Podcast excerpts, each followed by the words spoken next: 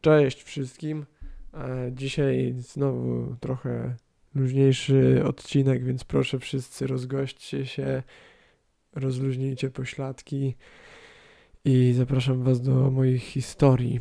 Pierwsza jest całkiem ciekawa, e, bo nie wiem, tego na historii mnie nie nauczono. Haiti e, było skolonizowane przez Francuzów i tam kupę czasu była po prostu plantacja cukru, masa niewolników, sła- słabe życie, ale całkiem boga, boga, bogato w sensie dużo towaru się przewoziło.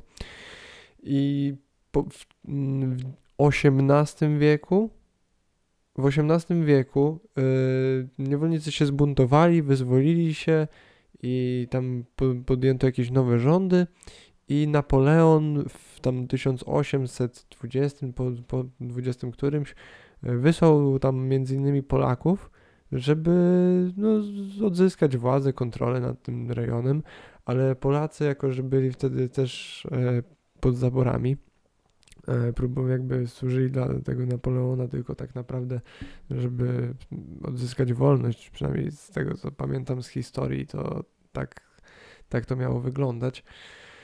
E, suwerenność, może nie wolność, nie byli wolni. E, chociaż kurwa, jak wolność wtedy wyglądała. Dobra, zostawiając to. Pojechali na Haiti i jak zobaczyli tam właśnie po prostu zmagania tych ludzi e, po tym, tak naprawdę w tym samym momencie, kiedy sami się z tym zmagali, to zmienili strony i pomogli im. Pomogli im i e, okazuje się, że chyba do dziś, nie jestem pewien, ale z tego materiału, który widziałem, to w Hai- na Haiti e, w konstytucji jest, że Polacy mają tam obywatelstwo. I wielu e, ludzi żyjących tam jeszcze do dziś ma na nazwisko e, Zalewski. I, ma, I dlatego też ma wielu e, z osób tam mieszkających też ma no niewiele, ale jest jednak jak na taką populację du, y, jakiś tam y, spora ilość osób, które mają niebieskie oczy.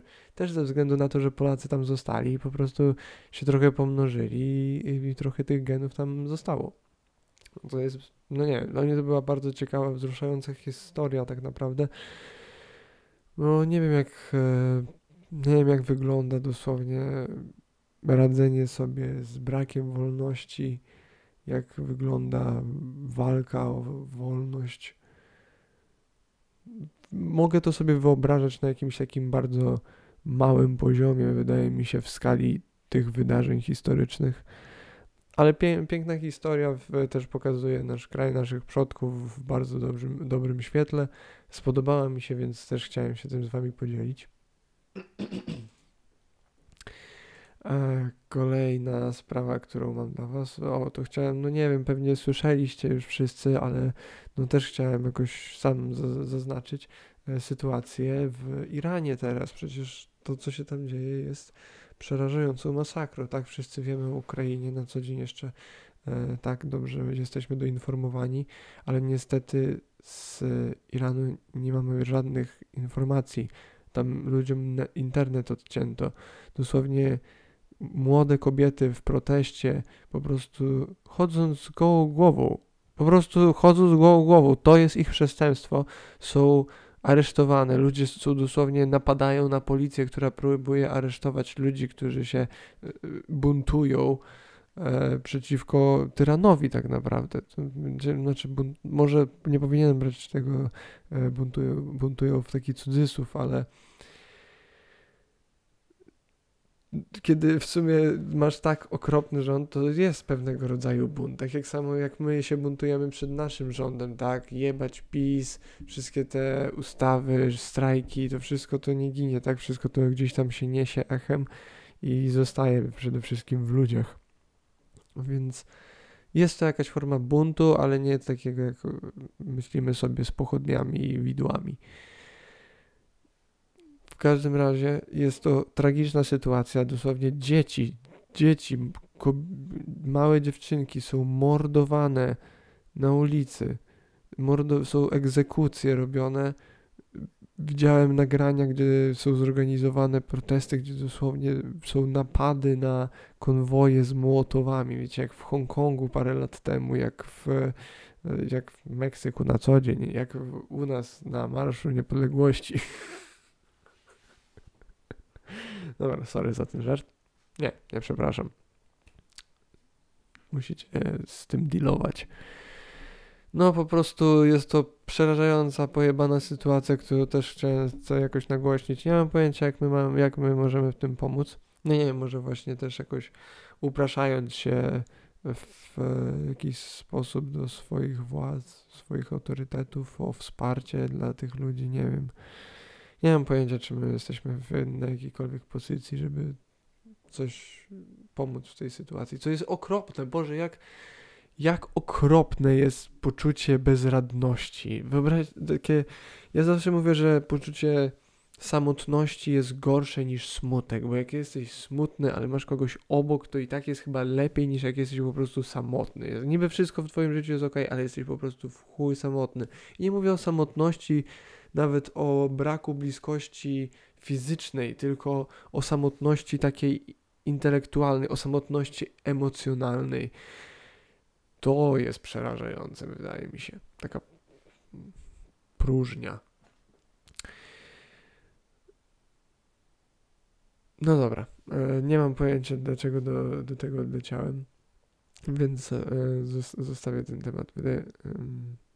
A, okej, okay, dobra, upraszanie się. Dobra, i tak to już zostawię. To by był dobry wątek sam w sobie. To nie będzie długi odcinek, żebyście się nie zdziwili. E, po prostu chciałem sobie trochę po, pozbijać jądra i pogadać o tych rzeczach, które tutaj sobie pozapisywałem. E,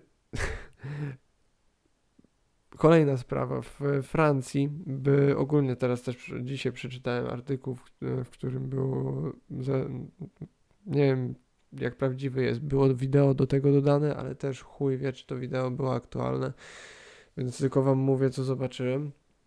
E, że we Francji e, masa imigrantów po prostu włamała, dosłownie włamała się do hotelu i zaczęła żądać na, w głównym lobby e, żądać zakwaterowania darmowego. I to jest takie trochę przerażające, bo to jest, czy to nie jest jakiejś, jakiegoś formu terroryzm, ale z drugiej też strony, czy ci ludzie są tak zdesperowani, naprawdę nie mają gdzie się podziać i w ogóle, no bo z drugiej, wiecie, bycie bezdomnym człowiekiem, który nie chce być bezdomny, tak, nie jest tam uzależniony ani z problemami psychicznymi, musi być przerażające i trudne i bardzo dołujące.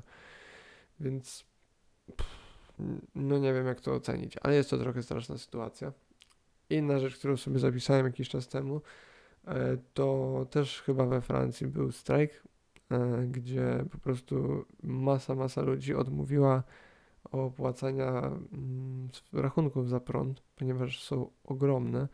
E, w momencie, kiedy firmy energetyczne mają rekordowe zyski i to, to się nie dzieje tylko we Francji. Jakby trzeba, jeżeli chcecie usłyszeć o czymś, o czym nie mówią w wiadomościach, to poszukajcie w necie, o ile wzrosła, e, wzrosły koszty energii i ile y, zysków, jak wyglądają zyski największych firm energetycznych w Polsce na przestrzeni ostatnich kilku lat.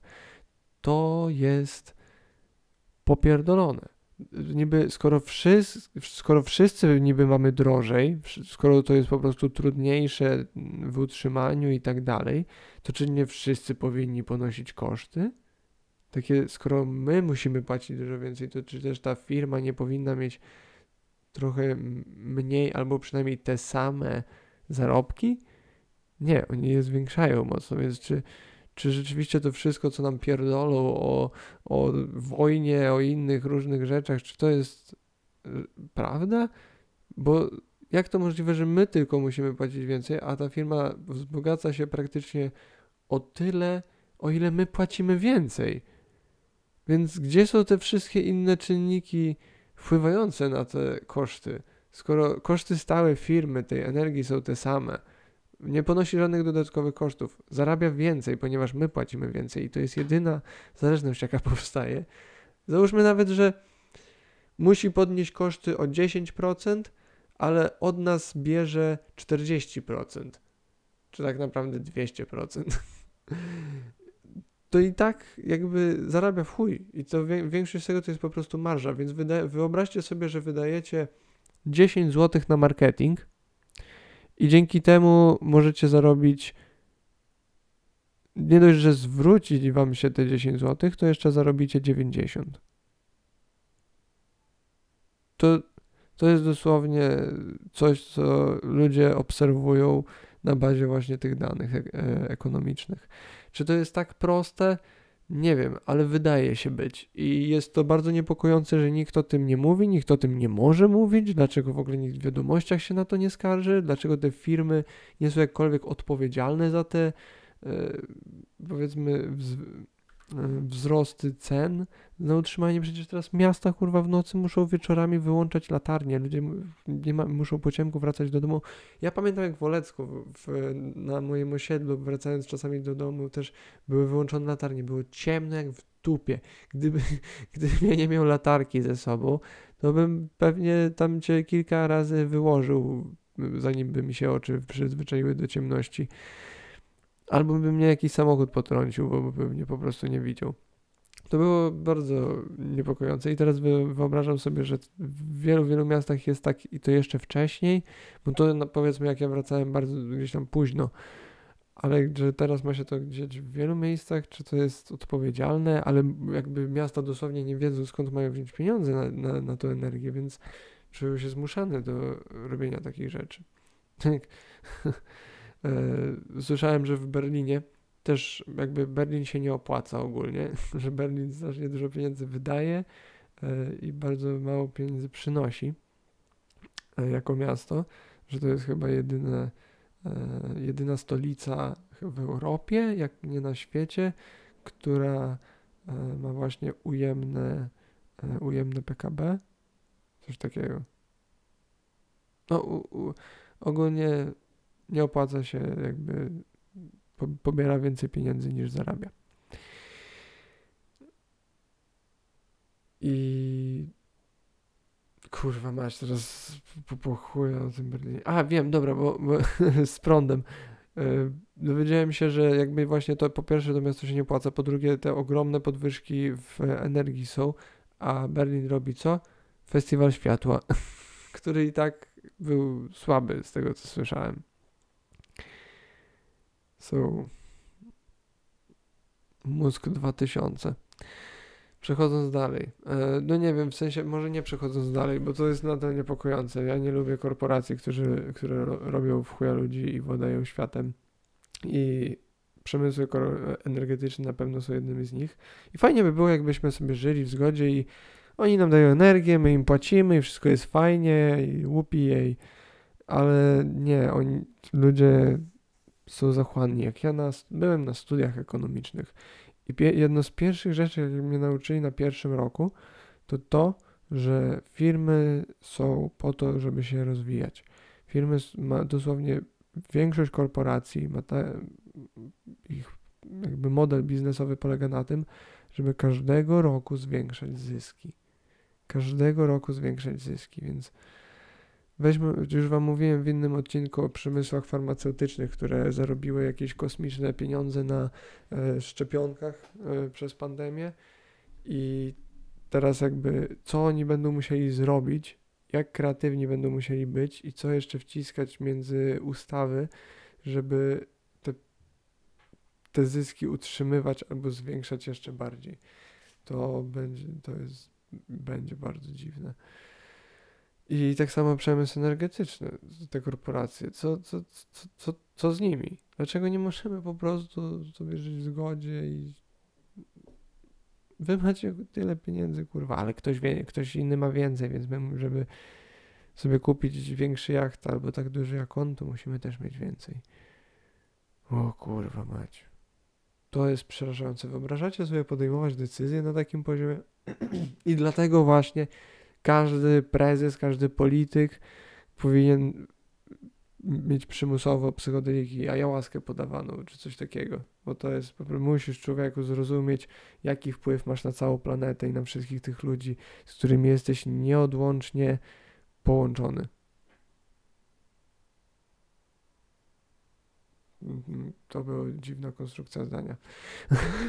Musiałem się chwilę nad nią zastanowić. Okej. Okay. Jebać ludzi, którzy nas jebią. Ale tak w sumie nie żeby ich zajebać, bo nie o to chodzi. No nie wiem, bo teraz sobie tak pomyślałem, może im miłości trochę trzeba. Nie wiem. Może. W sumie to jest bardziej prawdopodobne. Jak wy myślicie? Czy która metoda jest lepsza? Kija czy, czy parówki? Marchewki. E, lepiej jest karać czy nagradzać? Raczej nagradzać, co nie? Ale dlaczego właśnie oni czują się nagradzani, robiąc, podejmując nieodpowiedzialne decyzje? Hmm. Muszę, właśnie, trzeba zrozumieć, czym jest nagroda. Bo kiedyś, powiedzmy, w ciemnych czasach ludziom wmawiano, że nagrodą będzie życie wieczne, lepsze i tak dalej, dlatego cierpieli. I, I tak ludzie właśnie wykorzystywali innych, więc to nie było tak, że wszyscy to rozumieli i dlatego byli dla siebie super. Może są jakieś takie społeczeństwa mniejsze, które właśnie w taki sposób żyją, ale zazwyczaj, jeżeli chodzi o religię i takie rzeczy, ludzie wykorzystywali właśnie te motywy poza życią, ponieważ ludzie byli tak blisko śmierci, że łatwo było pójść na układ, skoro i tak w prawdopodobieństwie statystycznie pożyje jakieś 10 do, 6, do nie wiem, 25 lat, to czemu by w sumie nie wziąć deala takiego, że tutaj trochę pocierpię, a później będę błogo żył w zaświatach. Teraz ludzie żyją 80 lat i tak przez po 30 już mają takie hmm. Kurwa, to całe życie po śmierci, nie wiem, poruchałbym, czy coś takiego, nie wiem, to jest ten kryzys wieku średniego, czy, czy coś takiego, kupiłbym sobie coś, albo nie wiem.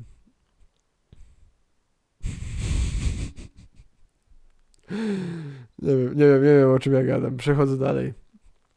To jest super pomysł kryształy przechowują internet. Słuchajcie tego.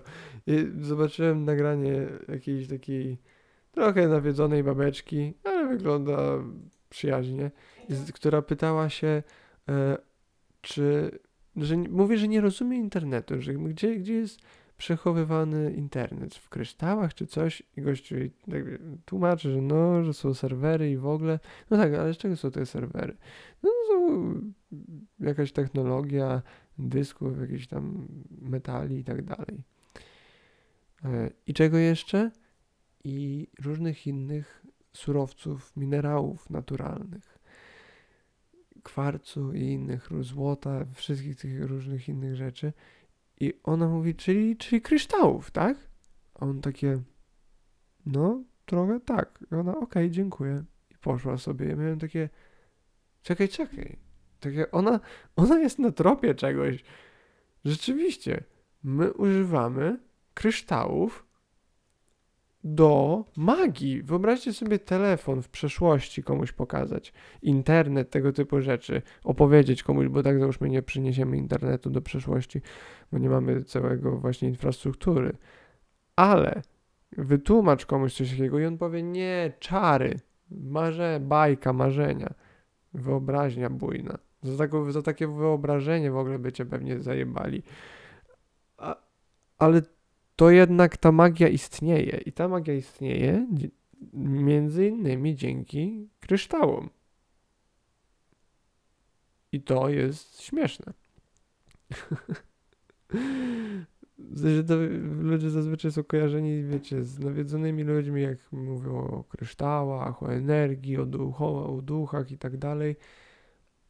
A tutaj mam kolejny dowód na to, że jednak po, to jest tylko różnica w słowach że trzeba właśnie słuchać tej wzajemnej wiedzy, trzeba poznawać różne perspektywy, dlatego tak też wolność, ten chaos cały związany z wolnością e, ekspresji ludzkiej, wolnością słowa, wolnością twórczości jest tak ważna, ponieważ musimy znać te wszystkie perspektywy i je, oj, przepraszam, i je wszystkie łączyć, żeby rozumieć rzeczywistość w, głę, w głębszy sposób, który pozwoli nam powiedzmy, poruszać się w niej i manipulować nią w jeszcze to bardziej dogodny i bezpieczny i odpowiedzialny sposób. Więc internet jest przechowywany w kryształach. Nie kryształach w narkotykach ćpuny, tylko w kryształach jako minerałach. These are minerals, not rocks. Pozdrowienia dla fanów e, Breaking Bad. No, to jest bardzo ciekawy pomysł. O Boże, dobra, teraz wchodzimy w trochę hardkorowe tematy. W nie pamiętam, w Kenii bodajże, w Nabiru, na, na, na Nabiru, na Ni, Nabiru, na Nibu. no wiecie, to, to, to, miasto chyba w Kenii. E, jakaś banda terrorystów włamała się do hotelu, kilku uzbrojonych typów i jakiś operator e, SAS-u, SAS, to są jednostki specjalne z Wielkiej Brytanii, e, z Anglii, czy skądś, o ile dobrze pamiętam, wy, miał wyposażenie prawie pełne w samochodzie i po prostu się ubrał, zapytał się policji o plany, o pomoc, pozwolenie i po prostu wszedł i według komentatora wyczyścił i zneutralizował wszystkich e, powiedzmy atakujących, czyli pewnie ich po prostu zastrzelił, zabił albo no nie wiem, obezwładnił. Wyczyścił wszystkie pokoje, wyratował zakładników. Nie wiem, czy ktoś tam umarł, czy nie. W każdym razie super bohaterski czyn, gościu dostał medal i tak dalej. To jest super i to jest wersja, która jest niepodważalna. Ale po pierwsze, co, jakie wielkie jądra, co za po prostu niesamowity typ. Oczywiście jeden z najlepiej przeszkolonych ludzi e, na świecie, ale nadal sam zrobić coś takiego, to niesamowity profesjonalizm, zimna krew i, i bycie hardcorem po prostu. Ale moim pytaniem było takie, co on tam robił i dlaczego miał w samochodzie całe wyposażenie? Miał w sensie kamizelkę, miał broń, miał e, tą kominiarkę, miał pistolet. Jakby Dlaczego on to wszystko miał? W sensie, co był tam na wakacjach i akurat wszędzie to ze sobą wozi, czy... Nie, cza nie czaję. Wydaje się bardzo... How fucking convenient. Ale może. Może tak po prostu było. Nie, nie, nie mówię, że tak nie było, ale wydaje mi się, że jest to bardzo ciekawe, że tak bardzo ładnie to wyszło. I jedna z ostatnich rzeczy to. Yy... Widziałem to nagranie. Prze, przejdę prze, z wami przez to nagranie.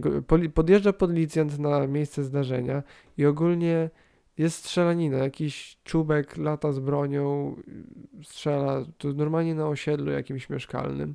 I ten policjant podjeżdża pod to miejsce, odstawia kubek z kawy. Cały czas w radiu słychać, jak e, ktoś tłumaczy mu sytuację, tam przez radio inni policjanci się komunikują na temat pozycji tego e, napastnika i o danych zdarzeniach dosłownie w danym momencie.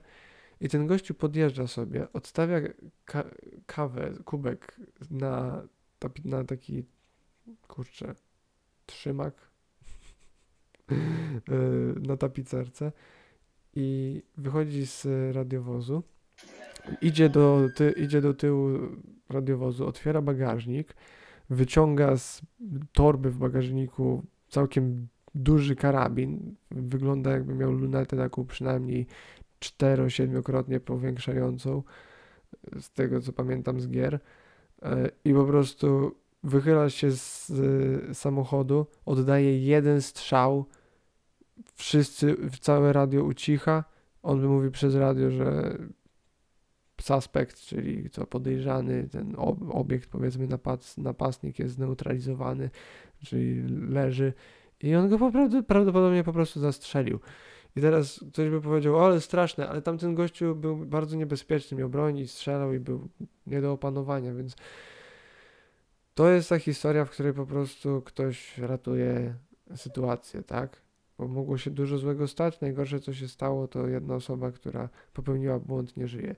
I ja się śmiałem, że żeby było bezpiecznie, rzeczywiście może wszyscy powinni mieć broń, bo wtedy się wszyscy jakby czują bardziej bezpiecznie, bo jeżeli coś zjebiesz, sięgniesz po nią w niewłaściwym momencie, to nie żyjesz, po prostu od razu nie żyjesz, bo nie ma, nie ma ale, po prostu wszyscy mają taką świadomość posiadania tego narzędzia, że jeżeli po to sięgniesz w niewłaściwy sposób, w niewłaściwej okoliczności, to wszyscy dookoła ciebie zareagują i jeżeli zrobisz coś złego, to zostaniesz momentalnie zneutralizowany. I to jest takie może trochę dziki zachód i może to by było problematyczne, ale jest to, wydaje mi się, lepsza opcja niż kiedy nikt nie ma broni. Też się śmiałem, że wydaje mi się, że nasz rząd popełniałby mniej radykalnych i durnych decyzji, gdyby tak przynajmniej z połowa Polaków miała pozwolenie na broń. I posiadała jakoś. I chociaż ćwierć posiadała.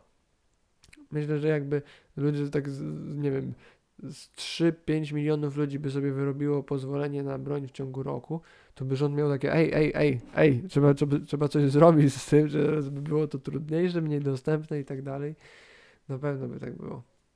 Nie mówię, że tak ma być i trzeba by to robić, żeby nie było na mnie. Ale jest to ciekawy pomysł. Posiadanie broni. Ciekaw jestem, jakie wy macie zdanie na temat e, legalizacji posiadania broni i tak dalej. Bo w momencie, w którym tylko niektórzy mają broń, to jest bardzo niebezpieczne. To jest chyba najbardziej niebezpieczne, kiedy, tylko wybrani mają dostęp do broni. Tak w Stanach, powiedzmy, wchodzenie do sklepu i kupowanie sobie pistoletu cenie zakupów to jest to jest bardzo nieodpowiedzialne moim zdaniem. Ale z drugiej strony kompletny brak dostępu do niej jest bardzo podejrzany. Tak mi się wydaje. I ostatni taki pomysł, jaki miałem, o czym pomyślałem niedawno, to yy, pomyślcie sobie, Pomyślcie sobie o tym, że teraz jest cały ten kryzys i z tą energią, i z w ogóle z żarciem, ogrzewanie, wojna. Chociaż wojny się toczą non-stop na świecie, no to powiedzmy teraz tutaj, tam blisko nas.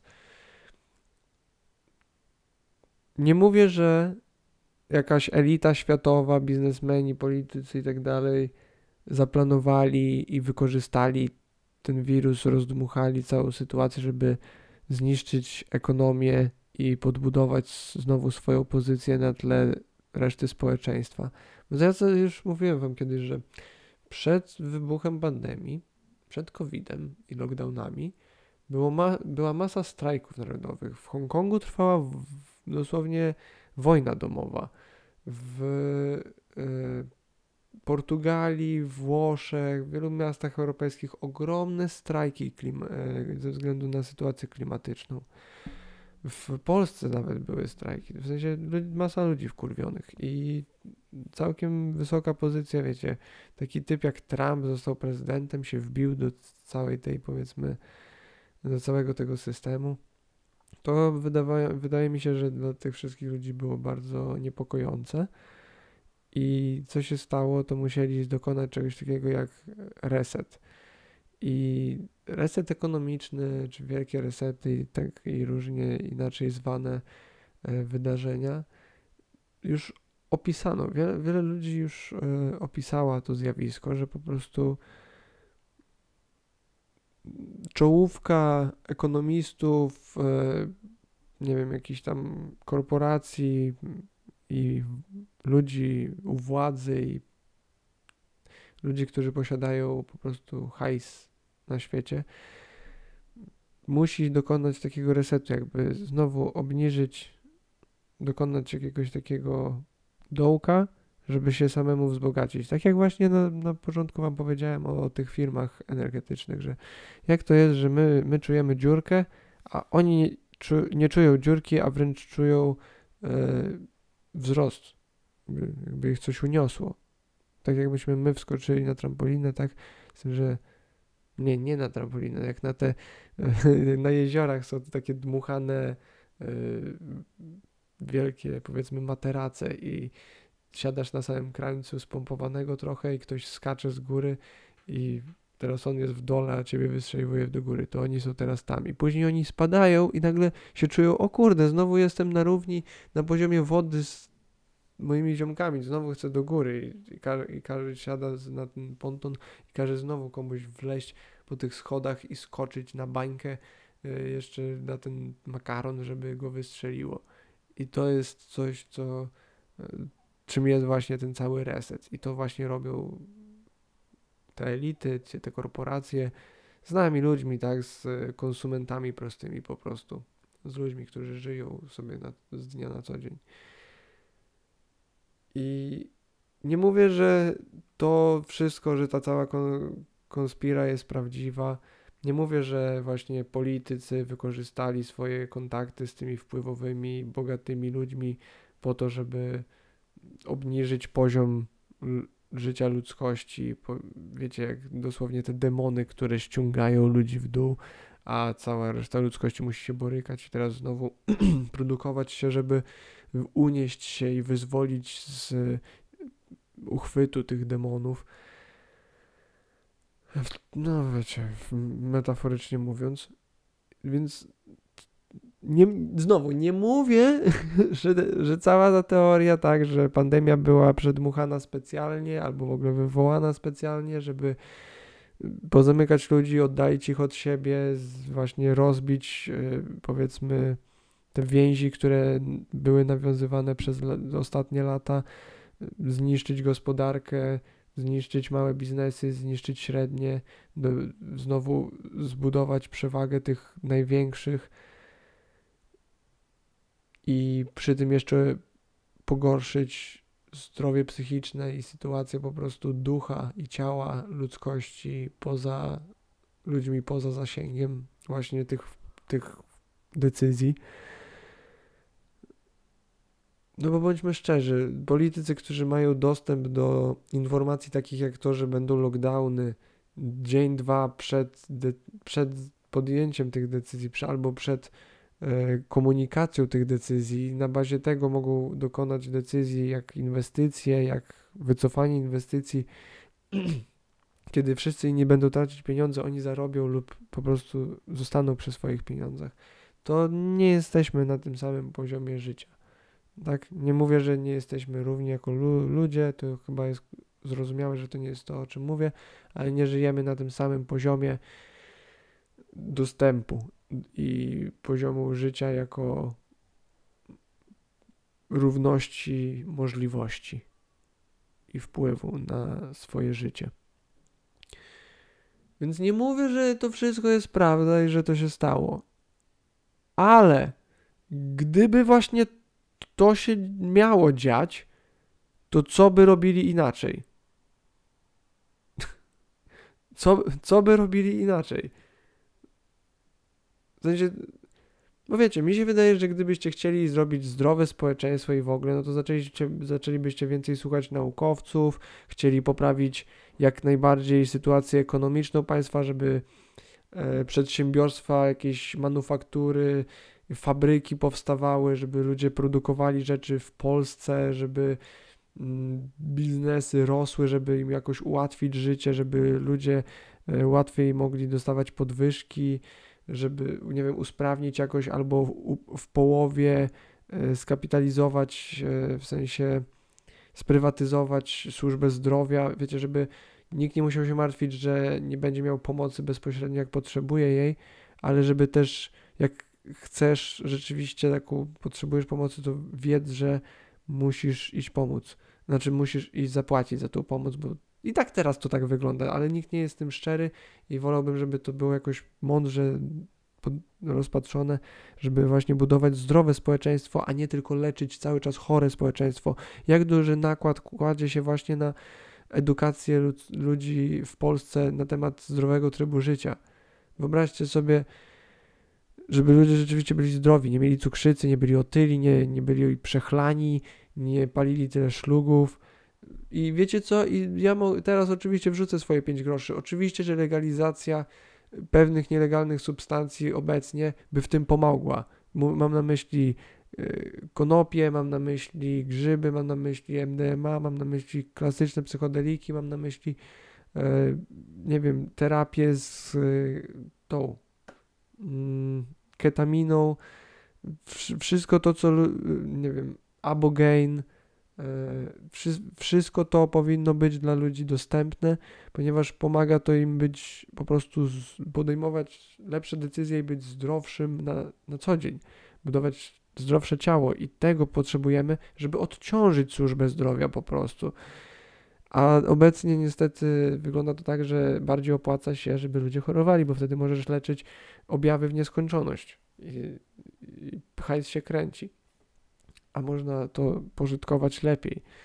Mm, trzeba byłoby bardziej poważnie podejść do edukacji, tak? Powinna, dzieci przede wszystkim powinny być uczone przez geniuszy, ludzi, ludzi, którzy mają niesamowicie dobre podejście i są niesamowicie zmotywowani do pracy z dziećmi i potrafią indywidualnie podejść. Powinno być ich dużo, żeby właśnie to indywidualne podejście było, ale nadal, żeby były jakieś zajęcia, gdzie mogą spędzać czas w grupach, tak, przerwy i te czasy na zabawę i tak dalej wszystko to da się zrobić. Przecież mamy tyle lat już nauki, pedagogiki i tak dalej. Ludzi, którzy zgłębiają wiedzę na temat tego, jak uczyć się, jak uczyć innych, jak podchodzić do dzieci, do młodzieży, do osób starszych, tego wszystkiego. I to jest tak śmiesznie albo znikomo wykorzystywane.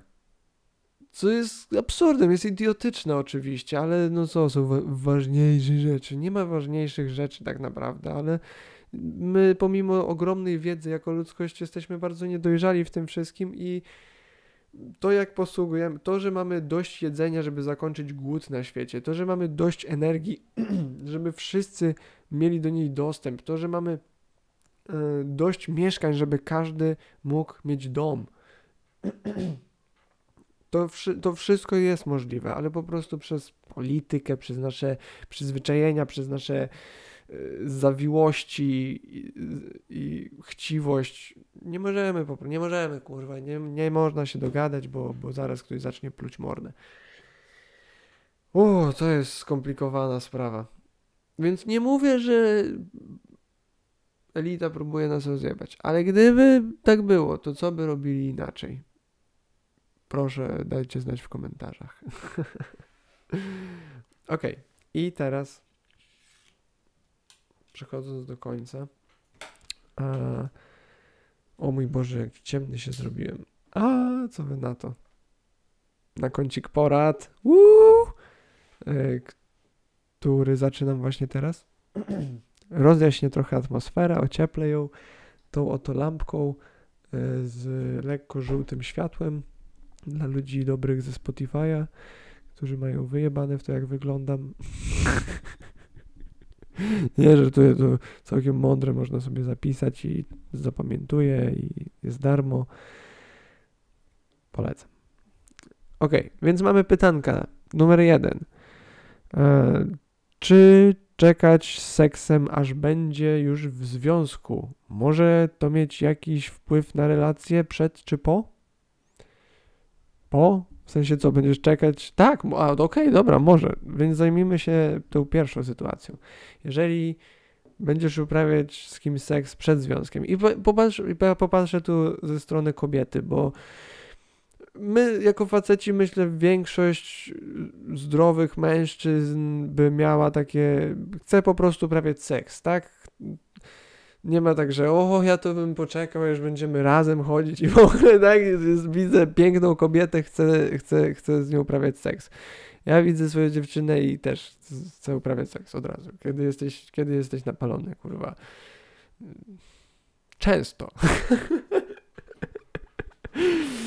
E, dobra, Piotrek, to nie o ciebie chodzi. E, więc patrząc z perspektywy kobiety, jeżeli pójdziesz do łóżka przed e, związkiem, to jest wszystko ok. Jakby to nie jest ani grzech, ani nic takiego, jak może niektórym z Was wmawiano. Wydaje mi się, co może się stać, to on straci zainteresowanie jeżeli to się stanie bardzo szybko. E, bo tak, ten cały otoczka, że faceci są trochę jak myśliwi i w ogóle troszkę, no coś w tym jest z tego względu, że nie, nie lubimy łatwych kobiet. Lubimy, nie, nie zrozumcie mnie źle, faceci lubią łatwe kobiety, ale lubią z nimi tylko właśnie uprawiać seks i nic więcej. Jeżeli chcecie związku czegoś więcej od faceta, kiedy jesteście dla niego bardzo przystępne fizycznie, dosłownie w pierwszych godzinach, nie mówię w pierwszych tygodniach czy coś takiego, tylko w pierwszych godzinach spotkania, no to małe są szanse, że on będzie was traktował poważnie. Yy, oczywiście to zależy od mężczyzny, to zależy od sytuacji i tak dalej. Mówię ogólnikowo bardzo. Yy, co, jeżeli poczekacie tam parę randek, parę tygodni, nie wiem, czy parę miesięcy z tym, to co może się stać, to to, że on będzie po prostu sfrustrowany długo i będzie, będzie udawał, będzie robił wszystko, żeby do tego doszło. E, I jak już do tego dojdzie, to straci zainteresowanie. I teraz dziewczyny, kobiety, drogie wszyscy osoby. Mężczyźni mnie myślę bardzo szybko zrozumieją, ale kobietom tego nikt nie tłumaczy. Jest coś takiego jak post-nut syndrom. To jest syndrom po tym, jak się, jak facet ma orgazm. I czasami odczuwamy po prostu z wypłukanej dopaminy taki okropny pustkę, kurwa, w duszy i w sercu po tym, jak dojdziemy. I, I to jest, jak oglądamy na przykład jakieś porno i dojdziemy i mamy takie, Boże, co ja właśnie oglądałem, chociaż przed chwilą byłeś tak podjarany do tego, że się spuściłeś, to takie miałeś, o mój Boże, szybko wyłączasz, usuwasz historię, kurwa, i idziesz wziąć prysznic i myślisz, co ze nad sobą, kurwa. Ale też czasami tak jest z dziewczynami. Myślisz sobie, o mój Boże, jak ja ją lubię, jak, ale ona mi się podoba i nie, o Jezus Maria, jak uwielbiam ją. A później uprawia, uprawiasz seks i spuszczasz się i i, I okazuje się, że jednak tak nie jest, że jednak cię wkurza i jej nie lubisz, tylko po prostu tak bardzo ci się podobała i byłeś pod takim napięciem. Na pewno słyszeliście, jak ktoś, jak ktoś kiedyś mówił, że a, jak wydaje ci się, że e, ją kochasz, czy go kochasz, to sobie z, zrób dobrze, yy, tak, spuść się i kurwa wtedy pomyśl i będziesz wiedział.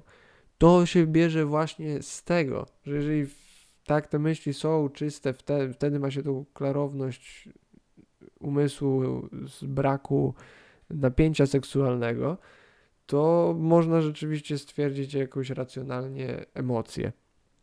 I to jest właśnie, myślę, sztuka i wyczucie y, dla kobiet. I jak to zrobić, dziewczyny, tego wam chyba nie powiem, żeby właśnie w danej sytuacji z danym mężczyzną, czy w, dla was po prostu, tak, czego wy chcecie, E, stwierdzić, kiedy do, po prostu faceta zaprosić, bo wydaje mi się, że to kobieta decyduje w naszym społeczeństwie o tym, e, czy ten e, stosunek zachodzi, czy nie. W każdym innym przypadku no jest to gwałt, tak? Albo nieporozumienie, chociaż wydaje mi się, że nawet jeżeli dochodzi do nieporozumienia, to zanim dojdzie do seksu, jest do, do tego poziomu klarowne stwierdzenie, że to będzie gwałt, No dobra, bo to owijam tak, kurwa, jeżeli ktoś załóżmy wykonuje jakieś ruchy na dziewczynę i czy na faceta i ta osoba nie powstrzymuje jej, idzie z tym i w ogóle i dochodzi do seksu i później stwierdza, że została zgwałcona, to jest po prostu chora, kurwa. Nie, nie była zgwałcona, po prostu żałuje swojej decyzji. Ale jeżeli ktoś się do ciebie dobiera i odpychasz go i mówisz nie i dziękujesz, ja pierdolę, albo obrażasz i wychodzisz i dalej to się dzieje, to jest już gwałt. Chyba to jest proste, kurwa. Nie wiem, wydaje mi się, że jest to proste. Eee, więc wracając do punktu, e, wydaje mi się, że to kobieta decyduje o tym, e, kiedy ten seks e, nastąpi. I dziewczyny, jeżeli już jesteście w związkach i macie takie czasami, że mój fat, że ma, po prostu szanujecie potrzeby swojego partnera i kiedy on też po prostu potrzebuje tego, to wy po prostu robicie to dla niego to jesteście kurwa złotem tego świata i dziękuję wam w imieniu mężczyzn i waszych partnerów. Jesteście super, więcej mocy dla was. A dla tych, które mówią, że a nie, kurwa coś tam, to po prostu nie rozumiecie, nie wiecie jak to jest być facetem i nie, e, no nie wiem, nie zależy wam aż tak na szczęściu swojego faceta. tak, właśnie was oceniłem, żebyście wiedziały. Nie wiem kim jesteście, ale wy wiecie kim jesteście ponieważ założę się, że wasz facet dla was na każde wyzwanie zrobi z wami co chcecie e, w tym kontekście. I co może mi powiedzieć, że to nie powinno się tak jeden do jednego porównywać? Może macie rację, e, zostawię to już. Więc musicie sobie zdawać z tego, że takie zjawisko istnieje, więc to jest bardzo kwestia wyczucia kiedy przed tym związkiem chcecie to zrobić, e, a jeżeli jest to dla Was ważne, żebyście się poczuły właśnie w więzi emocjonalnej i w ogóle z tą osobą, żeby e, w ogóle myśleć o jakimś podnieceniu, to też to po prostu powiedzcie. Powiedzcie, tak, kiedy już się już poznacie, tak, nie mówię, że na pierwszej randce czy coś takiego, ale dru- no nie wiem, jak się poznajecie, to daj do zrozumienia, że takie... Mm, dla mnie właśnie dla, do podniecenia jest ważne, żeby nawiązać taką więź duchową, emocjonalną i wtedy to czuję, więc jeżeli uważasz, że to się stanie szybko czy coś takiego, to nie, najpierw chcę się zaprzyjaźnić czy coś takiego, a później możemy się związać i, i myślę, że wtedy e, byłabym na tyle podniecona, żeby to zrobić. To byłoby kurwa tak jasne i dobre wyjaśnienie, jak tylko może być. I facet, który by miał takie nie, nie zależy mi na tej osobie na tyle, żeby tyle czasu i emocji poświęcać e, na to, żeby w ogóle pójść z nią do łóżka, ponieważ to jest dla mnie priorytet, no to po prostu zrezygnuję z tego i będziecie oboje zadowoleni. A osoba, której będzie zależało, której wy też zakładam, że chcecie w takiej sytuacji, to będzie się z tym zgadzała i po prostu będzie z wami tak współpracowała, jak się, jak, jak się dogadacie. I myślę, że trzeba też przyznać, że będą osoby, kobiety, które nie będą chciały stanąć przed odrzuceniem ze względu na to, że po prostu przyznają, że one nie chcą od razu, że one nie chcą faceta, który chce od razu seksu. Czyli tak jakby chcą same siebie oszukiwać, że facet nie, nie będzie chciał tego seksu, więc będą ukrywały fakt, że musisz ze mną chodzić, żeby poruchać, tak? No, te teksty z podstawówki, z, z liceum, z, tak? Ruchasz się, że trzeba z tobą chodzić. Chamski, straszny tekst, ale no bardzo do tej sytuacji e, zbliżony. Jaki wpływ ma seks na czekanie z nim właśnie po relacji? Myślę to samo może właśnie się okaże. O mój Boże, wyobraźcie sobie, że się z kimś związaliście i tak przywiązaliście i w ogóle i się okazuje, że seks jest do kitu. To trochę jak ludzie, którzy zaczynają ze sobą mieszkać dopiero po ślubie. What the fuck? Czy wypalicie krak? Kurwa, to jest tak dziwne. To jest chyba jeszcze dziwniejsze niż nieuprawianie seksu do tego czasu.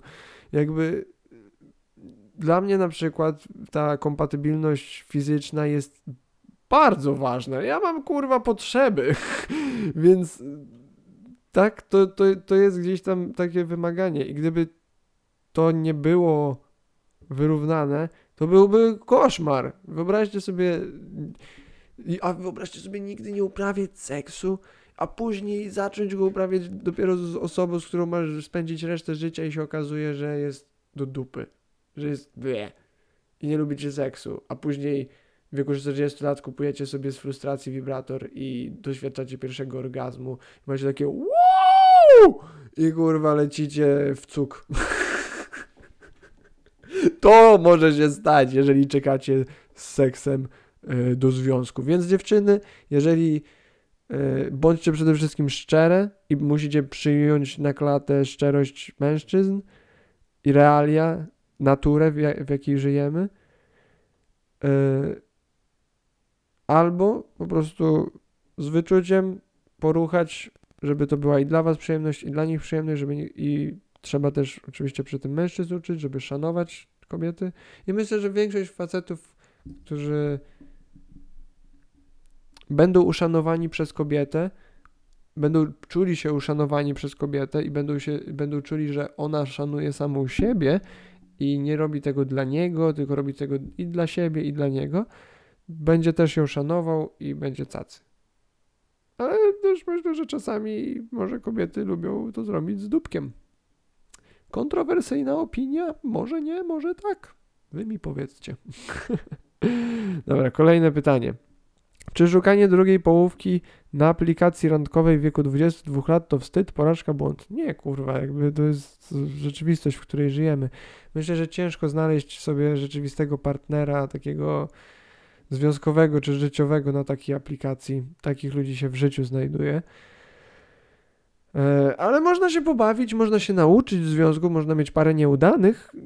Można mieć też udane, są wyjątki, ale ogólnie te aplikacje są raczej stworzone do tego, żeby się na nich zostało, więc nie są one stworzone, żeby rzeczywiście parować ludzi, którzy będą ze sobą szczęśliwie do końca życia. Więc nie jest to ani wstyd, ani porażka, ani błąd, ale też nie jest to.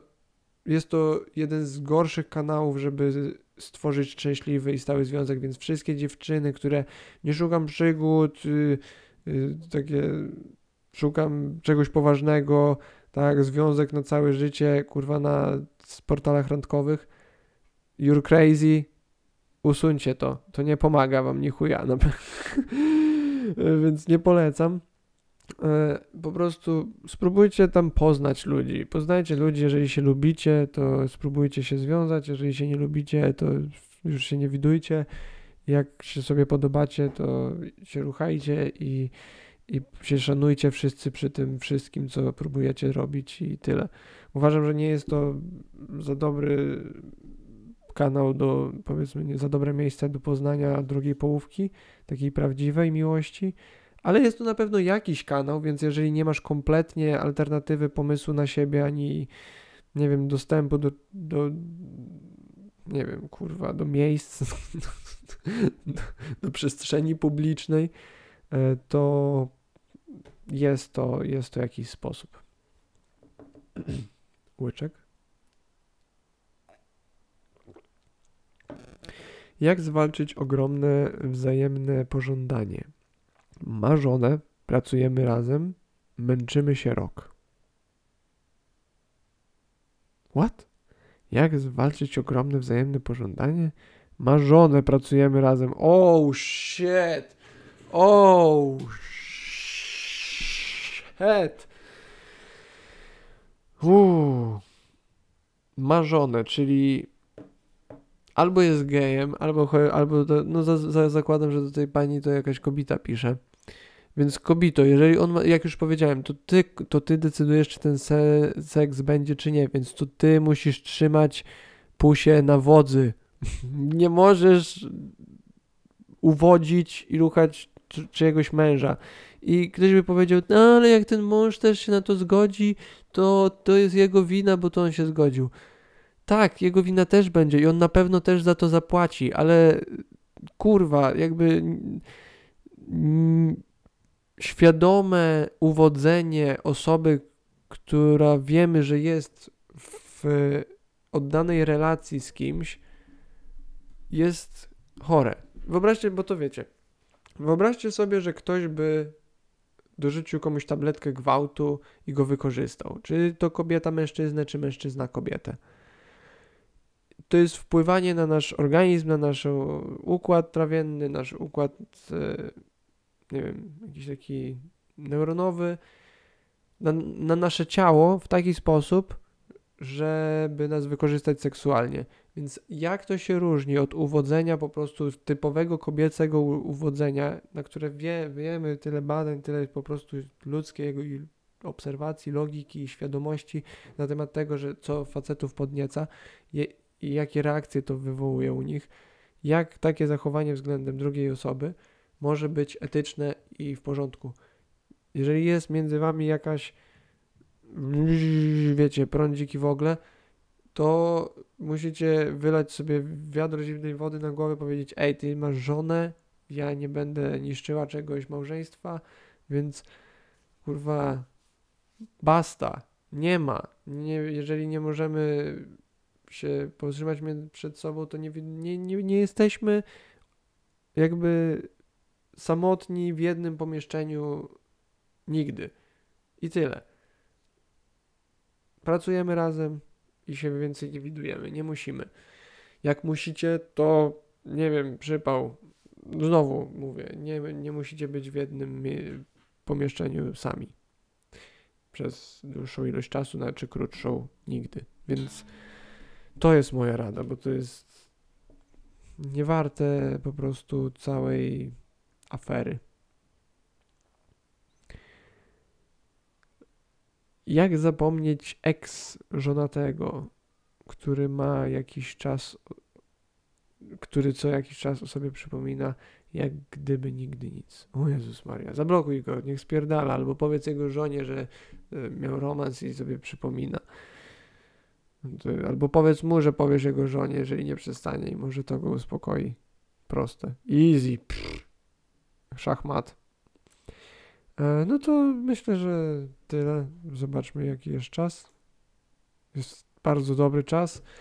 E, może Wam jeszcze powiem jedną rzecz. Popsułem sobie szczękę. Boli mnie strasznie szczęka, jak robię pe pewne ruchy. I pojechałem z tym do e, lekarza i znajomego.